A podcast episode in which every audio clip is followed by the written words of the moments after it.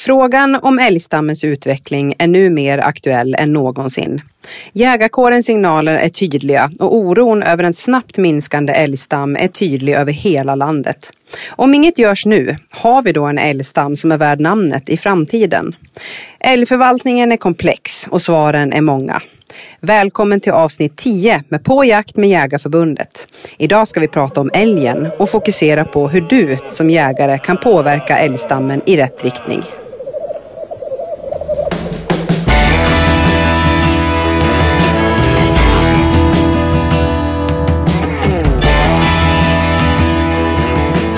Då är det dags för avsnitt 10.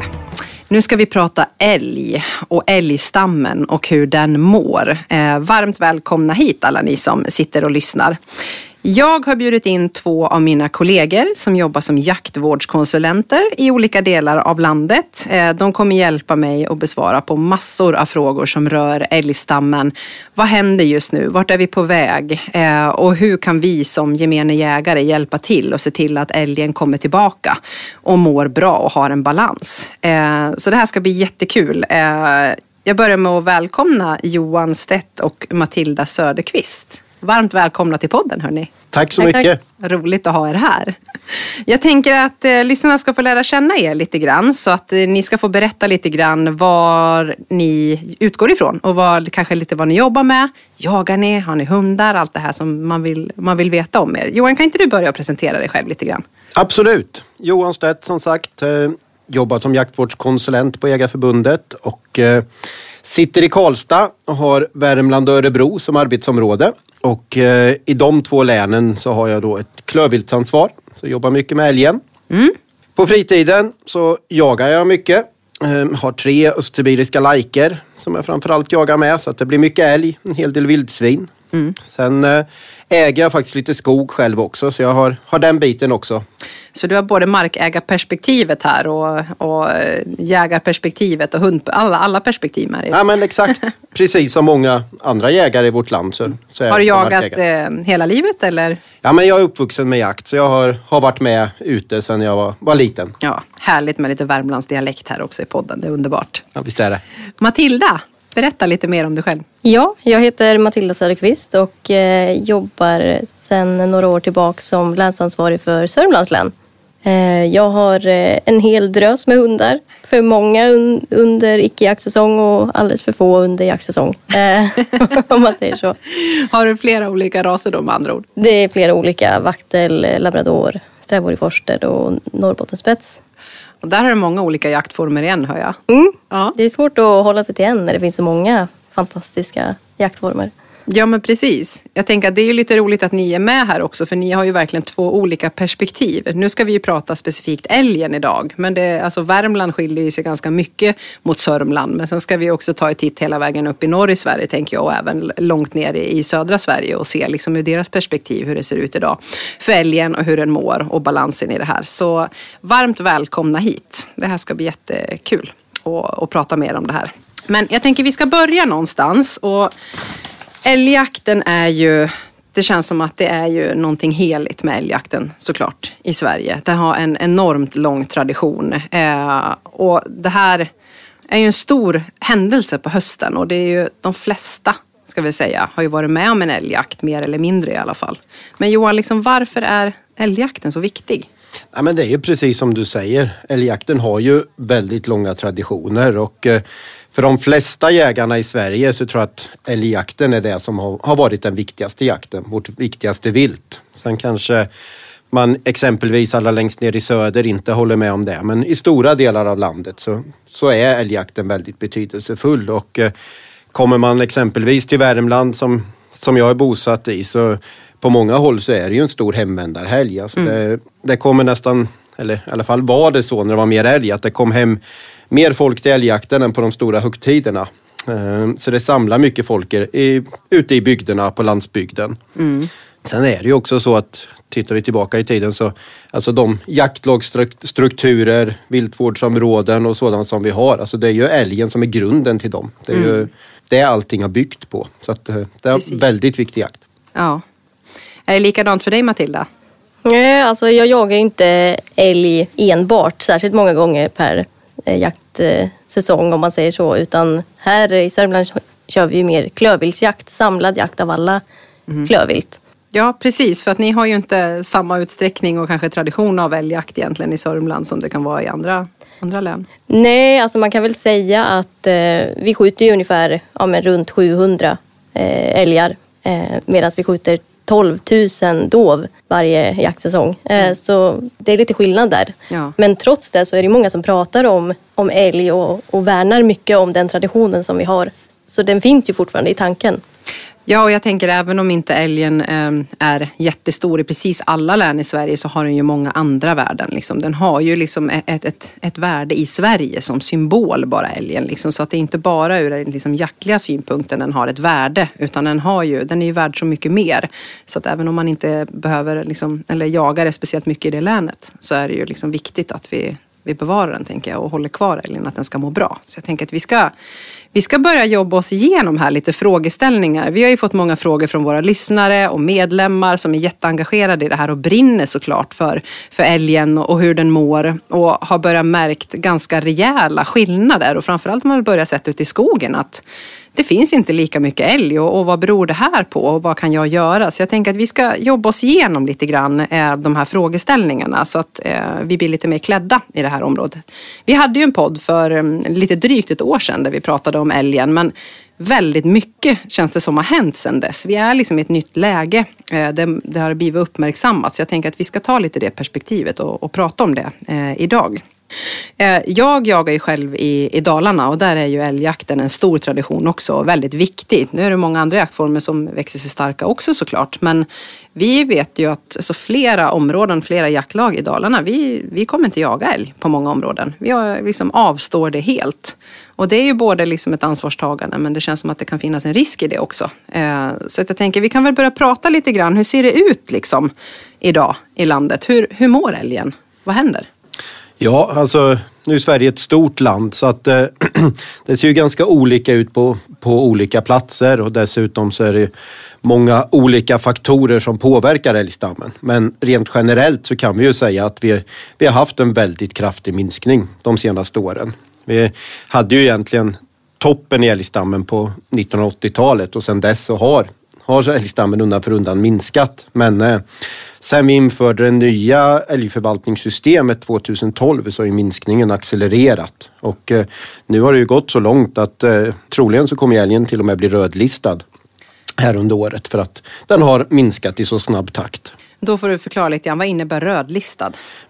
ja men rödlista är ju en beskrivning av arters utveckling. Så att det betyder ju inte att älgen håller på att utrotas. Däremot så betyder det att den har haft en en ganska snabb minskning av stammen under de senaste tio åren kan man enkelt förklara. Eh, var inte det målet då med den här nya planen 2012? Var liksom, har, det, har det gått för fort? Har det minskat för snabbt då? Vad beror det på? Ja, men när vi införde det här nya älgförvaltningssystemet så en av eh, syftena med det, det var ju att markägarsidan skulle få större inflytande över älgförvaltningen. Exempelvis att man har, har utslagsröst i de här älgförvaltningsgrupperna och eh, det är väl ingen hemlighet att det har drivits på för att minska älgstammen på de allra flesta platser. Och, eh, och det har man gjort. Jäkarna har tagit ansvar och skjutit mer älg. Men eh, nu så känner väl väldigt många att det har gått så långt, eller det har gått för långt helt enkelt. Så att nu måste, nu måste man dra i bromsen och nu måste vi använda andra verktyg. Ja, jag förstår det. Matilda, upplever du lite, även om ni inte har jättemycket älgar i Sörmland, märker ni en skillnad där i alla fall? Och får du, märker du att det pratas om det här även runt omkring i dina län? Ja, men det pratas jättemycket. Alltså, vi kan ju se en jättestor minskning på älgstammen. Den är nästan 50 procent eh, sen det här förvaltningssystemet infördes. Mm. Så alltså, man kan ju säga att det här eh, nya systemet har ju inte varit speciellt eh, lyckat om man är älg rent Nej. om man ser till kvaliteten och numerären mm. på älgstammen. Mm. Men har, nu, om älgstammen har minskat så här pass mycket, jag hörde att det, fanns lite eh, statistik på över 20 procent där någonstans, att det har dykt på de senaste tio åren. Men liksom vilka, förutom jakten, vilka mer faktorer har, har liksom påverkat älgstammen? Ja, men det, det är många faktorer som vi sa tidigare och, och vi har ett långt avlångt land med, med, med olika faktorer som påverkar. Men tittar vi mellan Sverige så har ju rovdjuren givetvis haft en väldigt stor påverkan. Eh, framförallt vargen då. Mm. Som, som har en ganska tät stam i, i vissa av våra län. Eh, sen så, så är det några andra faktorer som, eh, som är svårare att eh, egentligen uttala sig om hur stor påverkan de har men som, som vi vet har, har någon slags inverkan. Till exempel mm. klimatförändringar. Mm. Vi såg 2018 när det var den här torra sommaren att det, det var färre kalvar än någonsin. Kalvvikterna minskade och så vidare. Så att det är nog många olika faktorer som, som samverkar här. Eh, går vi till Sörmland, Matildas län, så, så påverkar säkert eh, dovhjortar och, och annat också. Alltså vi har fler klövviltsarter som mm. påverkar varandra. Mm. Men när de är på framfart Matilda, jag tänkte doven och så vidare, konkurrerar de ut älgen då? Liksom, hur känslig är älgen för övrig påverkan från andra klövvilt tänker jag? Ja, men det man ser är att älgen är inte speciellt eh, konkurrenskraftig när det gäller eh, Eh, foder. Nej. Utan det är de som först stryker på foten och får gå över och äta tall helt enkelt. Ja. Och de blir ju oftast då syndabocken, tyvärr. Precis. Fast, fast det man kanske behöver eh, Indirekt är det en annan klövvilt Precis, som kanske man kanske behöver förvaltas andra mm. och minska dem i större omfattning än vad man gör. Förs det sådana mer diskussioner idag? Att det inte bara är den här älgförvaltningen utan att man pratar mer klövviltsförvaltning och liksom de avvägningarna. Tycker du att det går framåt där? Ja, men jag tycker det. Det har ju kommit väldigt mycket studier eh, senaste åren också som visar på att, att de har en, en stor betydelse, särskilt när det kommer till konkurrensförhållanden. Mm. Eh, Ja. Så det pratas betydligt mer mm. om det. Är det samma sak för dig Johan? Att det, jag menar, ni har ju ändå lite kron och sånt där i Värmland men jag tänker att det, eh, det är ju en nationell fråga. Vi behöver prata mer klövviltsförvaltning tänker jag ändå. Ja men absolut, den här frågan eh, växer ju mer och mer i, i allt fler län skulle jag säga och man, man får större och större kunskaper om det. Just det här att älgen är känslig för konkurrens, konkurrensen och eh, mm. blir det hård konkurrens då får älgen käka mer tall. Men eh, det är ju ingen eh, lätt fråga det här. För dels så kan det ju lokalt se väldigt olika ut. Alltså, man kan ha täta dovhjortstammar och bara några mil därifrån så, så är det inte alls mycket dovhjort. Men, eh, sen är det ju också så att älgen har vi ju ett system som vi har byggt upp med en typ av licensjakt. Alltså du får en tilldelning hur mycket du får skjuta. Man gör, man gör planer vad man vill med stammen. Men kommer vi till dovvilt och rådjur så är det ju faktiskt upp till varje enskild markägare eller jakträttshavare hur man vill förvalta sin stam. Mm. Nu finns det ju vissa initiativ eh, i vissa delar eller vissa län där man har tagit initiativ i de befintliga strukturerna. Eh, till exempel i skötselområden där man har samlat alla för att gemensamt sätta upp ett mål för, mm. för dov. Till exempel, vart vill vi? Inte, inte små och, och liksom detaljerade mål utan vill vi höja, vill vi sänka? Tycker vi den är bra? Mm. Att, att, använda den kranen så och ja. göra det över ett lite större område så man kan få större effekt. Det känns väl som en väldigt klokt initiativ och kanske något som behövs göras i större utsträckning då i och med eh, doven ökar väl, eller hur? Det gör den. Ja. Och den, eh, jag vet inte hur långt norrut den sprider sig nu. Har du koll på det? Ja, det är väl eh, Örebro län, södra Värmland. Mm, för ni börjar Någonstans. få en hel del där. Ja, men lokalt mm. så börjar det absolut etablera sig mer och mer. Mm. Ehm, sen så kommer man till skogslänen så är det väl fortfarande kron på en del ställen och, och framförallt rådjur som är det som konkurrerar med älgen. Ja. Men det är som du sa förut, alltså det, det skiljer sig jättemycket. Det ser jag ju bara på, på mitt län. I södra delarna har vi ju extrema stammar av dov på vissa mm. håll. Medan i norra, i norra delen så, så ser man inte alls den här. Nej. Nej. Så lokal förvaltning är ju verkligen då av vikt kan man säga. Verkligen. Ja. Jag tänker att vi ska nog gå tillbaka lite grann. Vi gick och nuddade eh, ämnet varg i det här och jag tror det är väldigt många som är lite intresserade. Liksom, vad, hur stor påverkan har vargen på älgstammen? Vi satt och pratade om det här lite tidigare, jag och mina kollegor, när jag var på en älgjakt i, i Värmland och jag har aldrig sett så mycket älg tror jag under en och samma dag och det ska ändå så vara den, det området som hyser den största liksom, älgstammen och länsmässigt i, i Sverige. Och det, där blir man lite nyfiken hur det här hänger ihop. Liksom, hur vad tar vargen och hur stor påverkan har vargen på älgpopulationen? Ja. Ja, men vargen har ju stor påverkan på älgpopulationen, det är ingen, ingen tvekan om det. Och, eh, tittar man på, på studier som har gjorts för ett antal år sedan så brukar man ju säga att ungefär 120 älgar per revir tar vargarna. Okej. Och eh, då spelar det egentligen ingen roll om det är, är två vargar, ett par eller om de har valpar utan de tar ungefär lika mycket. Okej. Sen eh, så är det ju så att alltså kommer man till andra, en del områden där man har mer av de här andra klövvilten, ja men då kanske påverkan blir betydligt mindre på älgen eftersom att eh, de har alternativa bytesdjur. Men kommer man till ja, norra Dalarna, norra Värmland, eh, vad man nu ska ta som exempel, så, så är det ju framförallt älg man har och lite rådjur. Och där, där blir ju älg en väldigt stor del av, av födan. Finns det något så här under, alltså om vi pratar om den bara har älgen som alternativ då, liksom, är det det här att tar den bara den sjuka och de små? Eller liksom hur, ha, finns det någon, någon information, vattentät information om vad de äter och, och tar? Alltså det, det man vet är ju att de, en väldigt stor andel av de älgarna som de tar är ju kalv. Ja. Mer kalv än vuxna. Men sen att de rensar ur sjuka djur och sådär, det finns det ju egentligen ingenting som, som Nej. stödjer. Utan de tar det de kommer över. Ja, och jag tänker är de flera så klarar de väl av att ta en, en vuxen älg ändå, tänker jag. Absolut. Ja, och de det, händer ju. Mm, Precis. Ja, jag förstår det. Matilda, ni har väl också varg hos er?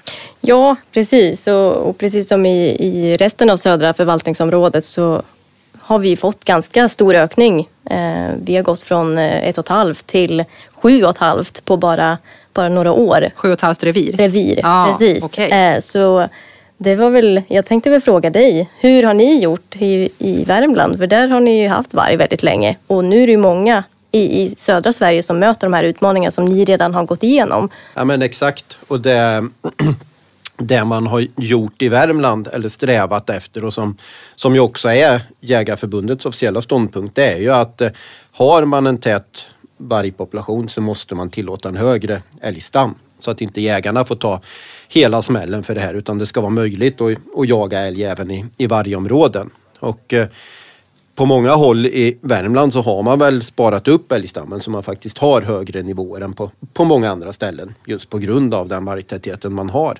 Sen är det ju återigen alltså Matilda nämnde att de har sju och ett halvt revir i, i Sörmland och de här reviren ligger ganska tätt. Då blir det en väldigt tuff predation där. Eh, tidigare så pratade man ofta om att ett vargrevir var 100 000 hektar. Nu finns det ju områden där vi ser att det finns fyra vargrevir på 100 000 hektar och då blir ju helt plötsligt predationen fyra gånger så hög. Så att Ja. återigen så måste man titta lokalt hur, hur stort det är vargtrycket eller predationstrycket. Ja, och justera därefter Exakt. helt enkelt. Jätteintressant att du säger det om hur hög älgstam man behöver ha för att kunna bedriva jakt där det finns rovdjur. I Sörmland finns det ju mål på fyra och fem eh, Älgar per tusen Så där behöver man ju revidera, liksom säkert på många andra håll också. Ja. Men jag tänker där kanske behöver du då vä- väga in också att de har ett alternativt byte. Kanske Absolut. då, tänker Absolut. jag. Att eh, de, men tar de, tar de kron, tar de dov, rådjur? Vad, vad tar vargen mer i till exempel Sörmland? Vad äter de för någonting? Har vi koll på det? Eh, det som många har sett är att de tar, ganska, eh, tar vildsvin i ganska stor omfattning. Okej. Ja, det, Men eh, det vore ju jätteintressant att se någon eh, studie för jag tror inte att det finns någon där det finns alla, alla klövviltsarter. nej. Nej, Man har ju gjort en del studier men det är ju egentligen först nu som, som vargen möter de här äh, större populationerna av dovhjort. Alltså de tätheterna. Där, Just. där har man ju inte haft dem på samma ställe förut. Så att, eh, det ändrar ju spelplanen lite kan man ju säga. Sen eh, om man har fem sex älgar per tusen hektar, det är ju inte så att vargen kommer att utrota älgen. Men det blir liksom ingenting över om man vill balansera älgstammen och hålla kvar den på den nivån. Utan de tar hela Precis. årets reproduktion. Jag tänker det här, eh, jag får oftast den här, ja, men, eh, när vargen kommer och etablerar sig så sticker ju älgen och flyttar därifrån och då kan det bli liksom högre koncentrationer av älg på andra områden och då kan man få en uppfattning av att det finns ju hur mycket älg som helst, här kan vi jaga på. Och så har man inte den här totala bilden av att nej, men vi har ju varg här och nu har de samlats där. Hur, hur räknar man liksom så att man vet att det jag inventerar eh, är hållbart liksom, på ett, i ett bredare perspektiv. Om vi pratar, jag menar Johan, nu är ju jättemånga jägare ute och gör spillningsinventering för älg. Eh, så att liksom hur, hur viktigt är det här, att vi har koll på det? Ja, men det är ju jätteviktigt. Eh, om vi inte har något ingångsvärde när vi ska göra våra planer, om vi inte vet hur många älgar det finns i skogen så är det ju väldigt svårt att säga hur många vi kan skjuta för att inte minska stammen mer. Så att det, det är ju A och O. Och, eh, återigen då så visar väl det här lite hur viktig faktiskt älgjakten är för de svenska jägarna. För just nu så, så är man ute och spillningsinventerar i stora delar av, i alla fall södra och mellersta Sverige. Och det är ju alltså tusentals jägare som går hundratals mil för att, för att räkna älgskit i skogen helt enkelt på sin fritid. Kan för, du berätta lite mer praktiskt för de som inte, som, som sitter och tänker nu, men jag vet inte hur man gör en sån här spillningsinventering. Jag har aldrig gjort den. Jag tror att min jaktledare har koll på det, tror jag många tänker. Hur, hur kan jag bidra där? Hur, hur gör jag? Ja, men vi har ju... Nu för tiden så har vi en app som hjälper en. Eh, som man kan använda. Och eh, Vad heter den? den heter Viltdata. Det är jättesmidigt för övrigt. Ja. Jag var själv ute för några dagar sedan och körde min, min ruta. Det var både skön motion och man får bra koll. Eh, och inte bara på älg utan man tar ju även eh, rådjursbildning Exakt. i den. Ja, fortsätt. Mm. Ja, nej, men och precis som du sa så är det ju en ruta som man inventerar. Och den här rutan är då en gånger en kilometer. Och eh, då går man den och var hundrade meter så piper det till i telefonen och där ska man stanna. Och så ska man helt enkelt räkna alla skithögar från älg och rådjur eh, inom en radie på 5,64 meter för, för älgen. Ehm, och då får man 100 kvadratmeter där och sen när man har gått alla sina sådana här punkter så kan man genom att man vet hur eh, många högar älgen lämnar efter sig per dygn och man vet ungefär när lövfällningen är på hösten räkna ut hur många högar det faktiskt finns mellan lövfällningen och det datum man inventerar och så kan man räkna ut en täthet. Ja. Och sen får man ju det här eh, varje år så att man kan över liksom, tid jämföra och se, kan jag tänka mig, i det här. Ja men exakt och då är det framförallt ska man ju komma ihåg att det är ju inget exakt mått det här utan man får ju trender, Ja. ökar eller minskar älgstammen. Men Precis. återigen då för att kunna göra planer så behöver vi ju ett värde att faktiskt sätta in. Förutom spillningsinventering då, vilka mer värden väger vi in där för att sätta eh, de, den här avskjutningen? Vad tar vi hänsyn till liksom, när vi ser att älgen går upp eller ner i... Ja, men där har vi ju älgjobb som en jätteviktig eh, del av det. Eh, som, som man gör under eh, första veckorna under älgjakten. Och hur går det till? Älgjobb säger du, vad är det och vem rapporterar det? Eh, det är ju älg, hur många älgar man observerar eh, under en jaktdag. Och så räknas det på mantimme, alltså hur många som är ute Ja. eh, och hur länge. Och jag tänker, för de här jaktlagen som jag känner till bara i Dalarna, och det är ganska många som inte ska jaga älg. De kommer ju inte ha några älgjobbs. Det finns väl en risk med det också kan jag tänka mig då. Då får vi ingen data på det här. Men absolut, det, det är ju ett jätteproblem. Ehm, för utan data så, så har vi inte koll på vad som händer i skogen. Så att vi brukar ju rekommendera att även där man har en väldigt klen älgstam och man inte kan göra något stort uttag, man vill bygga upp stammen, så, så bör man nog gå ut och bedriva en mindre jakt på, på kalv i alla fall. För att skjuta några kalvar har ju en ganska liten påverkan på stammen. Börjar man att skjuta de reproduktiva djuren, vuxna djuren, så, så har det ju betydligt större påverkan för kommande år. Men eh, bedriva en liten jakt är bra och det, det är inte bara för att få koll på vad som händer i skogen utan då, då uppehåller man ju också den här jaktlagstrukturen, gemenskapen och, och allt vad det kan tänkas vara.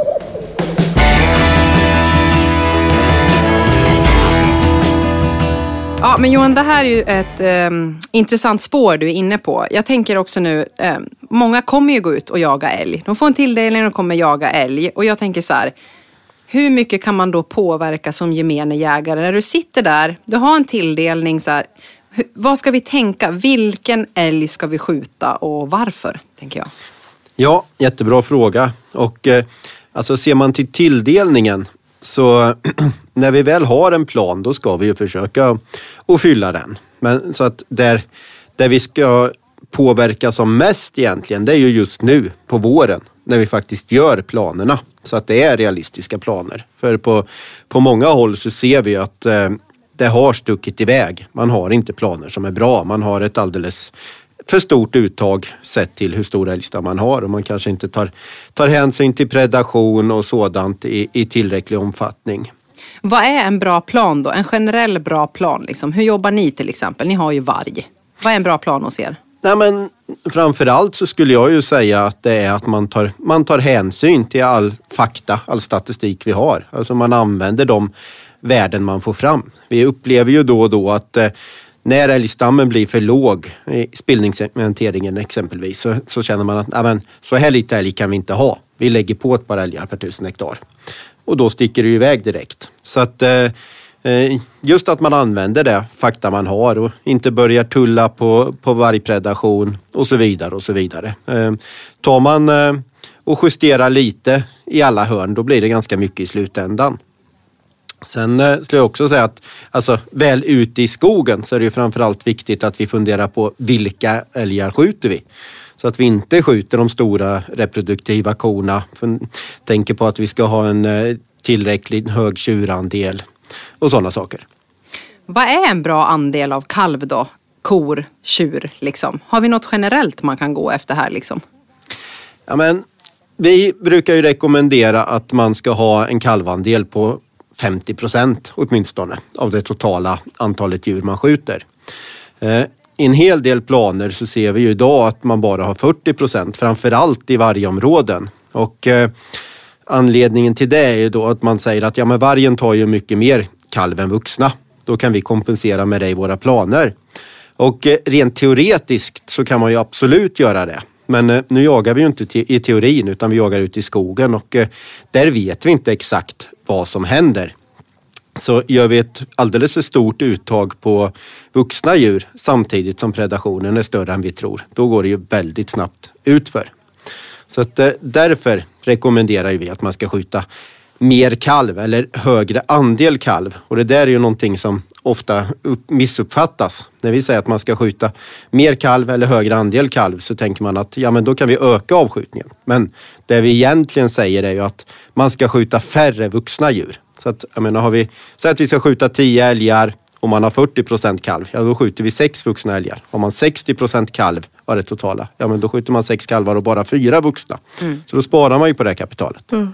För så fort man skjuter vuxna hondjur så påverkar man ju reproduktionen till nästa år. Precis. Så är det. Och liksom, vi brukar ju prata utifrån de här äh, räntan och kapitalet. Jag tycker den är ganska Alltså att man, man refererar till det. Alltså det är ju räntan du ska ta av för det kommer ju nytt varje år. Liksom. Och börjar du skjuta av det kapitalet som är de större och vuxna djuren som står för produktionen då, då händer det ganska mycket ganska snabbt. Mm, det blir ganska stora svängningar då.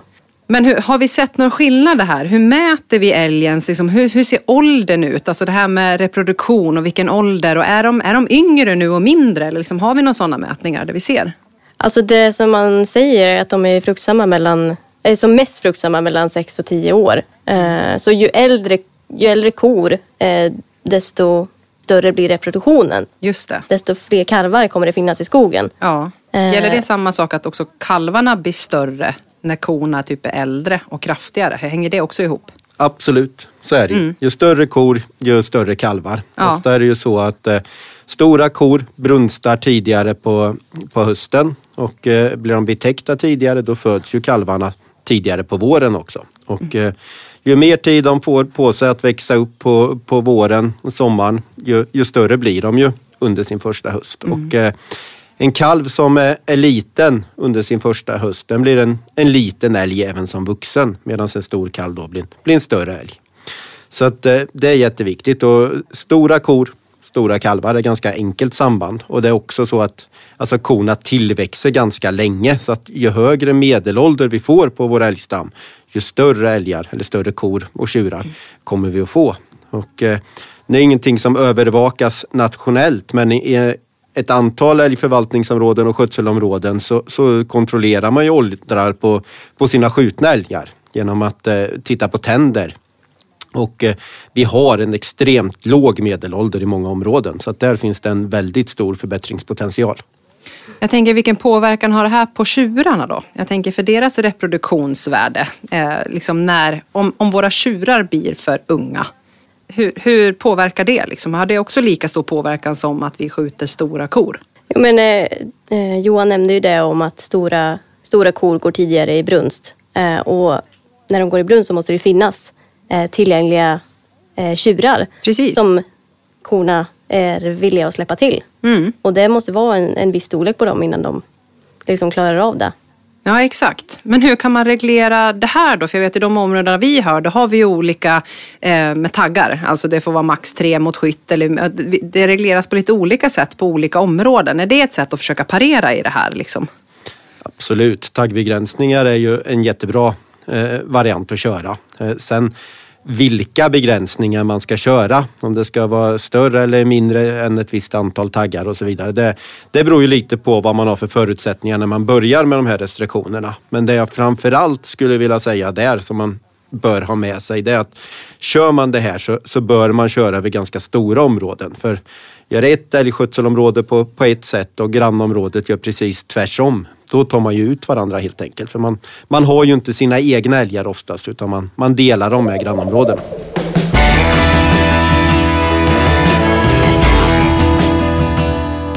men för att våga vara lite så konkret då. Om jag har ett jaktlag, eh, vi har fått tio älgar i tilldelning. Hur många älgar behöver det finnas på min jaktmark före jakt och efter jakt för att det här ska vara hållbart?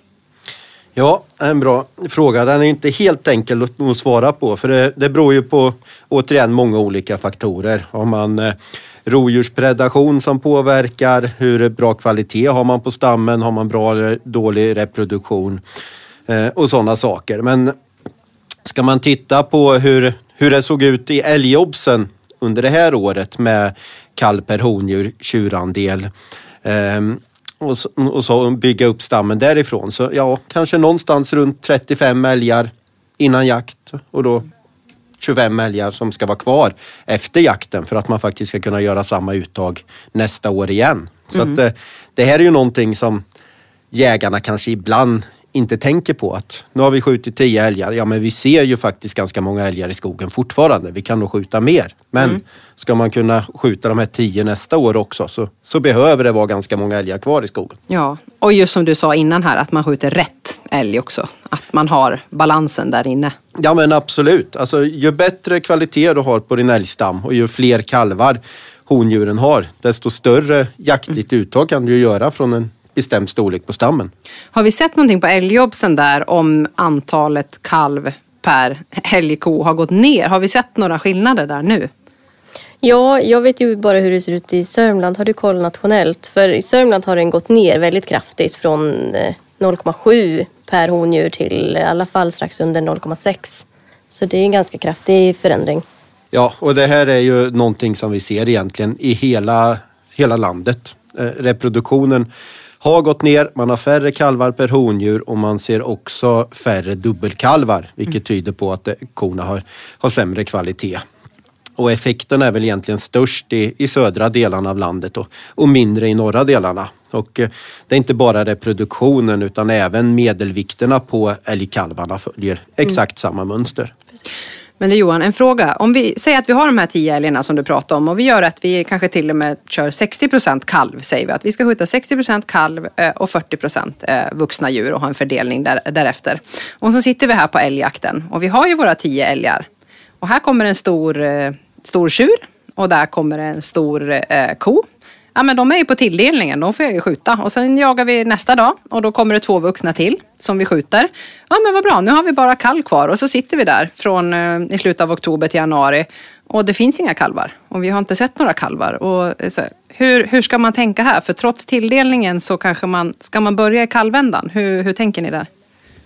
Alltså, skjuter vi de här fyra vuxna då och sen inte har några kalvar på marken ja, då har man tagit bort fyra älgar och det har inte kommit in några nya. Så att det är ju väldigt stor risk att gör man det här över stora områden så kommer ju älgstammen att minska. Det är ingen tvekan om det. Mm. Ehm, så det man kan göra här och som man har gjort på en del områden där man har en väldigt klen älgstam och kanske framförallt där man också har, har mycket predation från varg så man är osäker på läget. Det är att man har infört att innan man skjuter en vuxen så ska vi skjuta en kalv. Och kan man då inte skjuta den här kalven ja då skjuter man inte heller den vuxna och då blir det en slags naturlig broms så att ja. man inte skjuter sönder stammen. Det blir självreglerande helt enkelt. Exakt. Ja, det låter väl som ett ganska bra system att vara säker på att man gör rätt där. Eh, men då gäller det att eh, hålla emot också när den där älgen kommer och att man har pratat kanske om det i laget och är överens om det här, eller hur?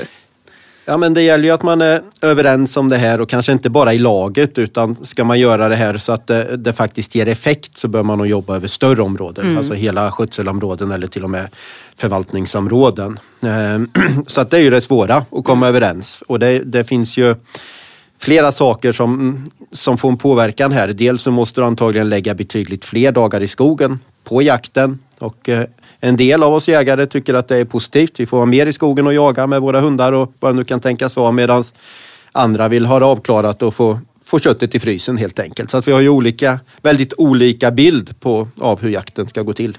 Ja, det är en hög igenkänning på det. Jag tror det skiljer sig ganska mycket i landet där också, tänker jag. Eh, för jag kan ju sitta och prata om våra tilldelningar med de här taggarna och så vidare med min, mina norrländska kompisar. De förstår inte vad jag pratar om. Måste du hinna räkna taggar innan du, innan du trycker av? Vad menar du? De har en annan syn på det eh, och har en annan lite grann kanske kultur kring det också. Så det är ju stora skillnader eh, runt om i landet tänker jag.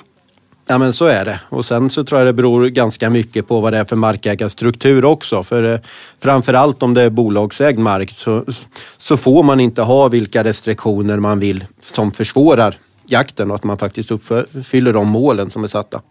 Precis, för det, det är väl någonting du också får höra att eh, men vi arrenderar den här marken och vi måste göra den här avskjutningen för att vi ska få fortsätta jaga och ha det här förtroendet. Liksom. Vi, vi, vart ska man börja påverka där och föra den diskussionen för att det ska bli lite mer utifrån det vi pratar nu så att säga, att man hamnar där? Ja, men absolut, det är en del som, som känner sån oro och eh, man ska uppfylla planerna. Men återigen då, då skulle jag säga att där man framförallt kan påverka det är ju när, när planerna ska göras. Att man är med på samråden eh, och försöker att, att påverka där. Mm, man är med och engagerar sig helt enkelt. Ja men exakt. Mm.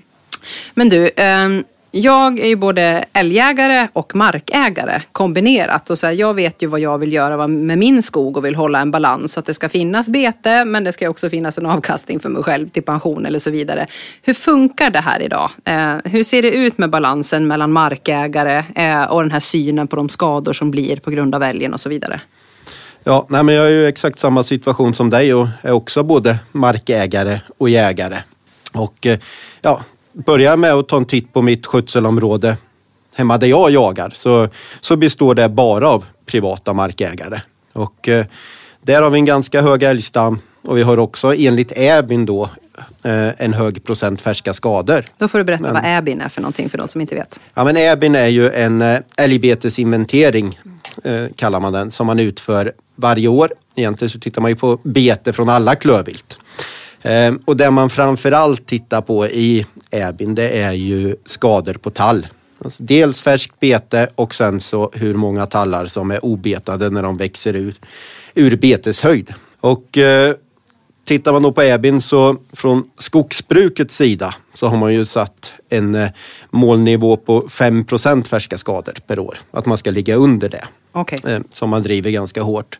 Vi anser ju att eh, det finns inget nationellt mål för det här utan är man överens inom ett område och sätter andra nivåer så är det helt okej okay att göra det. Eh, både vad det gäller skadebild och tätheten av älg. Det ska bestämmas lokalt av, av markägare och jägare tillsammans.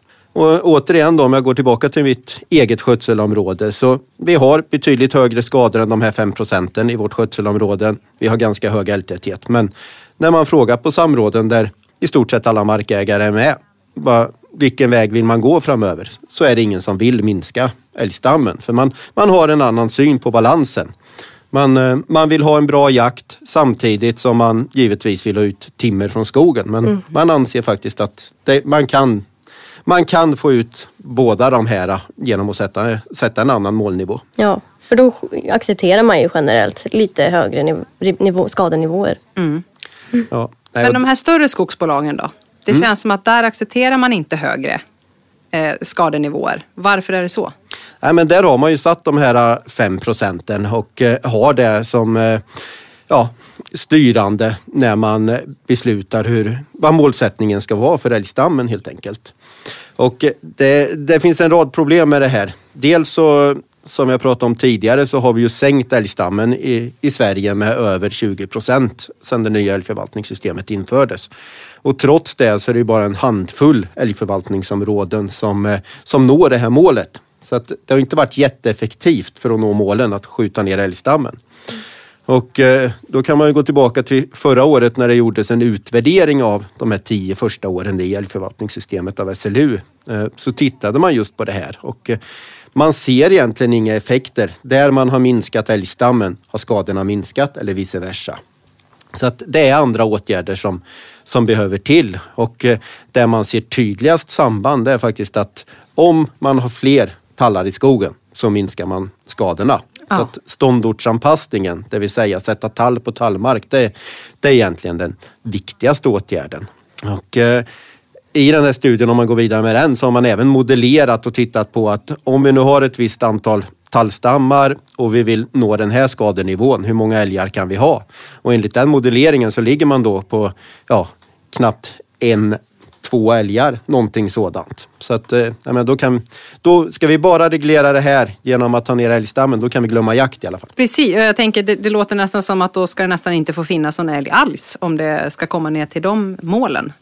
Nej, inte om man ska använda verktyget eh, kulor och krut och skjuta älgar. Sen, eh, sen är det ju inte så enkelt att det bara är en faktor som påverkar det här.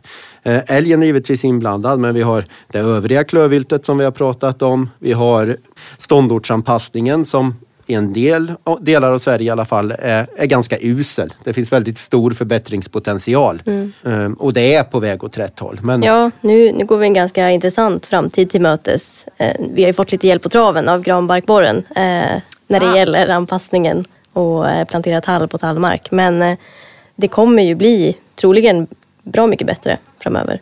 Ja, det tror jag att det ska bli med ståndortsanpassningen. Absolut. Och det, det ska bli intressant att se vad skapa mer foder, vad det ger för effekt. Men eh, återigen, det, det gäller nog att vi jobbar med flera olika verktyg om vi ska komma någonstans i den här frågan.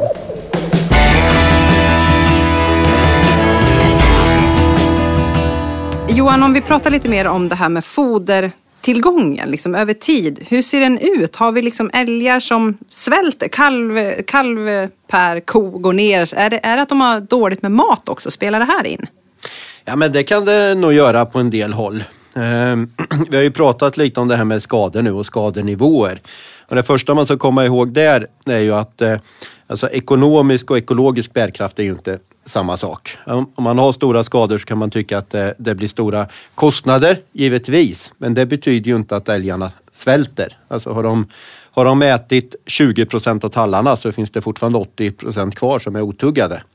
Eh, Men i vissa områden så absolut, där kan det ju vara dåligt med mat. Och eh, vi ser ju bäris som är väldigt viktig födokälla för älgen. Det har minskat kraftigt i Sverige.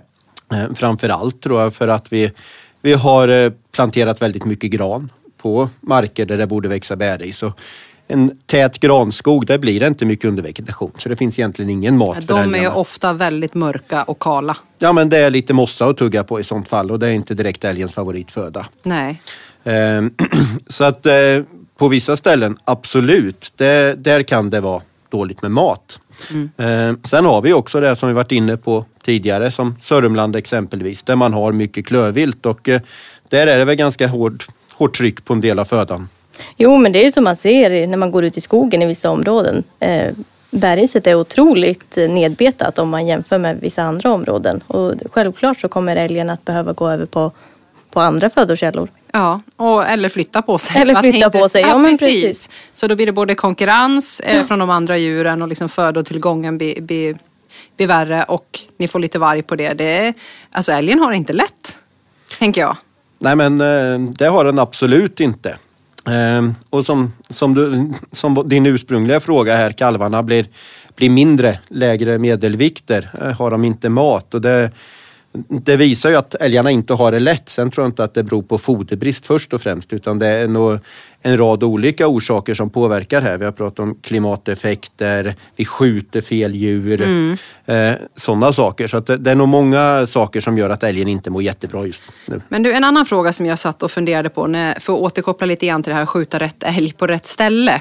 Eh, i, I olika ställen där jag jagar så har vi så kallade eh, pottälgar som kommer fram. Eh, i, lite senare på säsongen, när alla har jagat ett tag eh, så uppfyller inte alla sin avskjutning helt enkelt. Och då blir det här som pottälgar som delas ut liksom fritt på området så att de liksom skjuts lite grann där de finns. Och jag tänker om, om man då jag tror att det är flera lag som kanske inte får igenom överallt. Att man kanske, som vi pratade om, skjuter kalven först eller någonting. Utan att någonstans så blir det kvar. Och då blir det lite hopplöst i att den där kommer ju skjutas i alla fall. Fast hos grannen då istället. Vad, säger, vad tycker? Vad, finns, det, finns det inte en risk med det? Jo, det gör det ju absolut. Alltså avlysningsjakt som vi brukar kalla Precis. det. Ehm, i vanliga fall, det klassiska med älg, det är ju att man, man får en viss tilldelning till sitt jaktlag, ofta efter hur, hur stor areal det är. Och så jagar man på det. Men eh, nu så blir det fler och fler ställen som framförallt då kanske bolagsägd mark där man har en pott från början. Så här många kor, så här många kalvar ska skjutas. Och sen så är det först till kvarn helt enkelt. Och eh, det här gör ju att eh, det blir lite av en eh, tävling eller vad man ska kalla det Ja, för. stress. Ja, Det blir stress. stressigt. Ja, ehm, och man är ute, man har betalt för sitt arrende, man ska skjuta ett hondjur och så kommer det en stor ko. Och så tänker man att ja, men tar vi inte chansen nu, då, då kanske vi inte får några hondjur. Då får vi inget kött i boxen. Det finns liksom inte utrymme att ha den här selektiviteten som man kanske skulle vilja. Nej. Hade det varit eh, att man hade haft sin pott, ja men då vet man att man har till sista januari på sig att att jaga älgen. Alltså vi behöver inte skjuta den första veckan. Men här vet man inte. 20 oktober kanske den inte finns kvar att skjuta. Nej. Och då blir det ju ett race. Liksom. Först till kvarn som du säger, det kan ju inte gynna någonting tänker jag i älgförvaltningssynpunkt. Nej, jag är ju övertygad om att det är någonting som har haft en negativ påverkan på, på älgstammen. Sen så kan det finnas positiva saker med avlysningsjakt också. Exempelvis alltså en sen avlysningsjakt på kalv. Eh, tar jag återigen mitt eget skötselområde som exempel så, så brukar vi avlysningsjakt på de kvarvarande kalvarna från jul någonstans där. Eh, och har man då ko och kalv som har parkerat i någon tallföryngring där man har problem, ja men då har man möjlighet att gå ut och skjuta ytterligare en kalv. Så att då kan det ju vara bra, men just det här med vuxna djur och framförallt hondjur från första jaktdagen, det, det har nog bara negativa effekter. Både på kvaliteten och risken blir ju större om man kan jaga över hela området. Att, att man faktiskt skjuter mer älgar än vad man hade kunnat göra annars. Om man gör ett överuttag. Men jag tänker, nu har vi hunnit gått igenom ganska många delar i allt som har med vår kära älgstam och älgförvaltning att göra. Jag tänker att eh, de som lyssnar kanske inte kommer att komma ihåg allt de här kloka orden som vi har pratat om. Så vart finns det mer information att läsa och ta med till sitt eget jaktlag? I sommar kommer många sätta sig ner och ha det här älgjaktsmötet där man pratar om hur hösten ska bli och så vidare. Vad, vad kan man hitta mer information och vad ska man ta med sig där? På vår hemsida finns ju jättemycket information att, att hämta. Vi har ju gjort eh, en älgpolicy som, är, eh, som behandlar de, de viktigaste punkterna vad gäller älgförvaltning. Eh, vi har en handlingsplan för älg. Hur, hur ska vi nå de här målen som vi har satt upp? Eh, sen kom det även en verktygslåda som man kan nyttja inom skötsel eller förvaltningsområde. Berätta lite mer, för den här verktygslådan eh, tog ju Jägarförbundet fram och kommunicerade för nå- något år sedan eh, redan. Så det har ju använts och det finns ju mycket bra underlag. Vad, vad handlar den om? Liksom, vad innehåller den? Ja men det är ju, man skulle kunna köra studiecirklar exempelvis med den. Och då handlar det ju mycket om hur, hur gynnar man kvaliteten på älgstammen? Eh, hur får man större kalv, eller högre kalvvikter? Ja, hela den här spiralen. Får man större kor så får man större kalvar som i sin tur blir större älgar och så vidare. Alltså mycket kring det, kvaliteten egentligen. Hur man kan jobba med det. Och faktiskt sitta och diskutera och eh, öka insikten hos alla i jaktlaget eller i, i skötselområdet. Men ni jobbar ju som jaktvårdskonsulenter. Jag tänker det är inte alla som har koll på vad en jaktvårdskonsulent gör. Vi pratade lite grann Johan att du var ute här förra veckan. Vad, vad är du ute och pratar om just nu? Det är föreläsningar på kvällar ganska ofta nu vad jag förstår. Ja men så är det. Det här är ju egentligen den mest hektiska tiden på, på året. Eh, dels för att på hösten så, eh, så vill våra medlemmar jaga. Då vill de inte sitta och lyssna på oss. Även vi. Eh, Exakt, så är det. Men nu på våren så, så finns det ju mer tid för att förkovra sig, utbilda sig. Plus att just vid den här tiden så är det också så att de här älgskötselplanerna, förvaltningsplanerna ska revideras. Så att det är mycket jobb kring det. Vi får inventeringsresultaten den här tiden Ehm, och sådana saker. Så att eh, just nu så det är mycket vara ute, föreläsa om älg, hjälpa till och göra planer. Ehm, hur tolkar man datan och, och får ihop en bra avskjutningsnivå? Ehm, sen så jobbar vi också mot myndigheter, alltså hjälper till att sammanställa inventeringsresultaten. Vi, vi tittar ofta på förvaltningsplaner och kommer med, med kommentarer om dem. Alltså inte, inte om, eh, om målsättningarna om man ska öka eller minska älgstammen, men just om man har, har räknat rätt. Att har vi den här älgstammen, vi vill skjuta så mycket, kommer vi att gå mot vår målsättning att faktiskt öka stammen då? Sånt Just. hjälper vi ofta till att räkna med.